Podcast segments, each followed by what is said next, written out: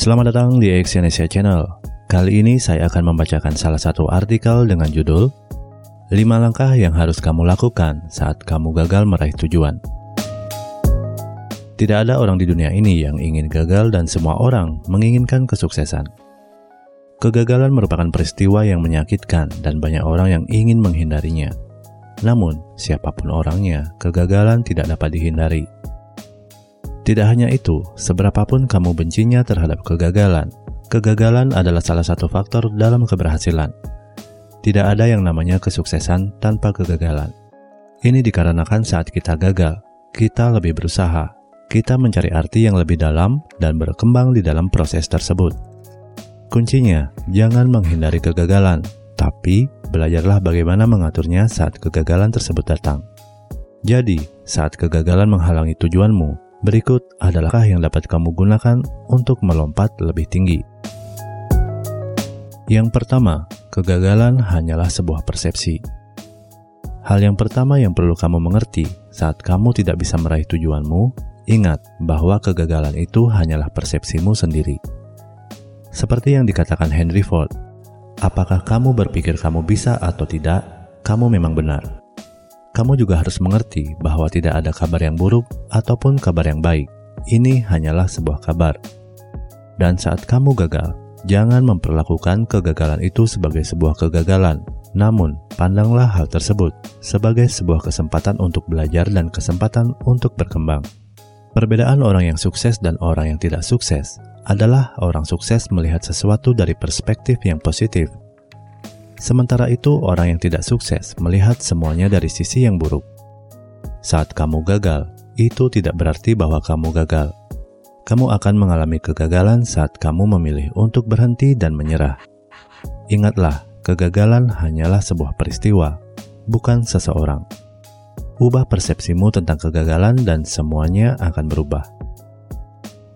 Yang kedua, fokus pada apa yang dapat kamu pelajari Langkah selanjutnya yang harus kamu ambil adalah mencari tahu apa yang dapat kamu pelajari dari kegagalan tersebut.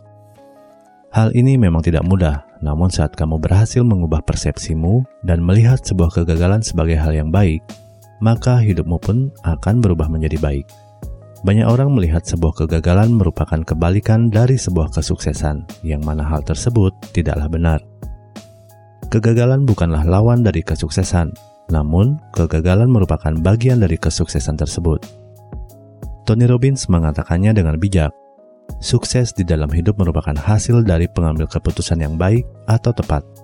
Keputusan yang bagus biasanya merupakan hasil dari sebuah pengalaman. Pengalaman biasanya merupakan hasil dari pengambilan keputusan yang buruk. Fokuslah pada apa yang dapat kamu pelajari dan bukannya berfokus pada sebuah masalah. Saat kamu memperlakukan sebuah kegagalan sebagai sebuah pelajaran dan kamu mendapatkan perspektif yang baru, kamu akan menjadi orang yang lebih baik dan juga memiliki tujuan yang lebih bernilai. Yang ketiga, ingatlah akan mimpimu. Langkah ketiga yang dapat kamu lakukan adalah dengan mengingatkan dirimu tentang mimpi-mimpimu. Saat kamu melihat dirimu mendapatkan apa yang kamu inginkan dan hidup seperti yang kamu impikan, kamu akan merasa termotivasi ini sangat penting karena alasan utama seseorang menjadi gagal mencapai tujuan mereka adalah karena mereka kehilangan ketertarikan atas apa yang mereka inginkan. Mereka memulainya dengan ambisi yang besar pada awalnya, namun saat hari telah berlalu, motivasi mereka mulai memudar dan terdistraksi oleh segala yang terjadi dalam kehidupan mereka. Sebagai hasilnya, mereka kehilangan koneksi dengan tujuan, lalu mereka berhenti untuk mengambil action dan menyerah. Jangan pernah hal ini terjadi padamu. Pastikan kamu memikirkan tentang mimpimu dan terus ingat tentang tujuan yang ingin kamu raih setiap saat. Yang keempat, ingat kembali tujuanmu dan temukan kembali apa passionmu. Langkah selanjutnya adalah kamu harus mengingat kembali apa tujuanmu serta passionmu selama ini. Ingatlah, apa yang membuatmu melakukan sesuatu adalah tujuanmu dan apa yang membuatmu tetap melakukannya adalah juga tujuanmu dan kamu tidak dapat melakukannya tanpa keduanya. Tujuanmu merupakan mercusuar yang menuntunmu baik dalam keadaan sulit maupun mudah, dan passionmu adalah bahan bakar yang membuatmu melaksanakan aktivitas harianmu. Oleh karena itu, temukan kembali tujuan hidupmu. Cari alasan mengapa kamu ingin mendapatkan tujuan tersebut, mengapa kamu ingin meraih mimpi tersebut. Semakin kuat emosi dari tujuanmu tersebut, maka semakin kuat pula motivasimu. Yang kelima, buatlah rencana beserta penyesuaiannya. Saat kamu menemukan passionmu, itulah waktunya untuk merencanakan sesuatu dan mengukur setiap langkah yang kamu ambil. Pada poin ini, kamu harus mengerti lebih baik mengapa kamu gagal saat pertama kali kamu mencobanya. Mungkin kamu tidak mengambil action dengan cukup, mungkin pendapatanmu kurang, atau kamu harus mencobanya sekali lagi. Apa pun yang kamu lakukan, buatlah rencana baru dan mulailah dari awal. Jangan pernah meremehkan kekuatan dari perencanaan. Seperti yang dikatakan oleh Larry Winget, nggak ada siapa pun yang menulis rencana untuk membuatnya lebih sulit, malas, atau lebih bodoh. Perencanaanmu akan menunjukkan pada dirimu apa yang harus dilakukan untuk mencapai tujuan yang telah kamu tetapkan. Dan tentunya, langkah akhirnya adalah selalu mengambil action. Kesimpulan, gagal dalam meraih tujuanmu merupakan hal yang biasa. Bahkan, Thomas Edison pernah mengatakan bahwa dia gagal lebih dari 10.000 kali. Meskipun begitu, perbedaannya adalah Edison tidak menyerah.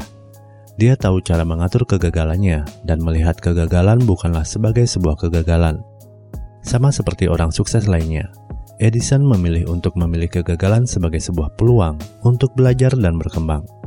Terima kasih telah mendengarkan audio artikel ini. Semoga apa yang saya sampaikan di dalam audio artikel ini dapat bermanfaat bagi kalian semua. Selalu semangat dan salam sukses.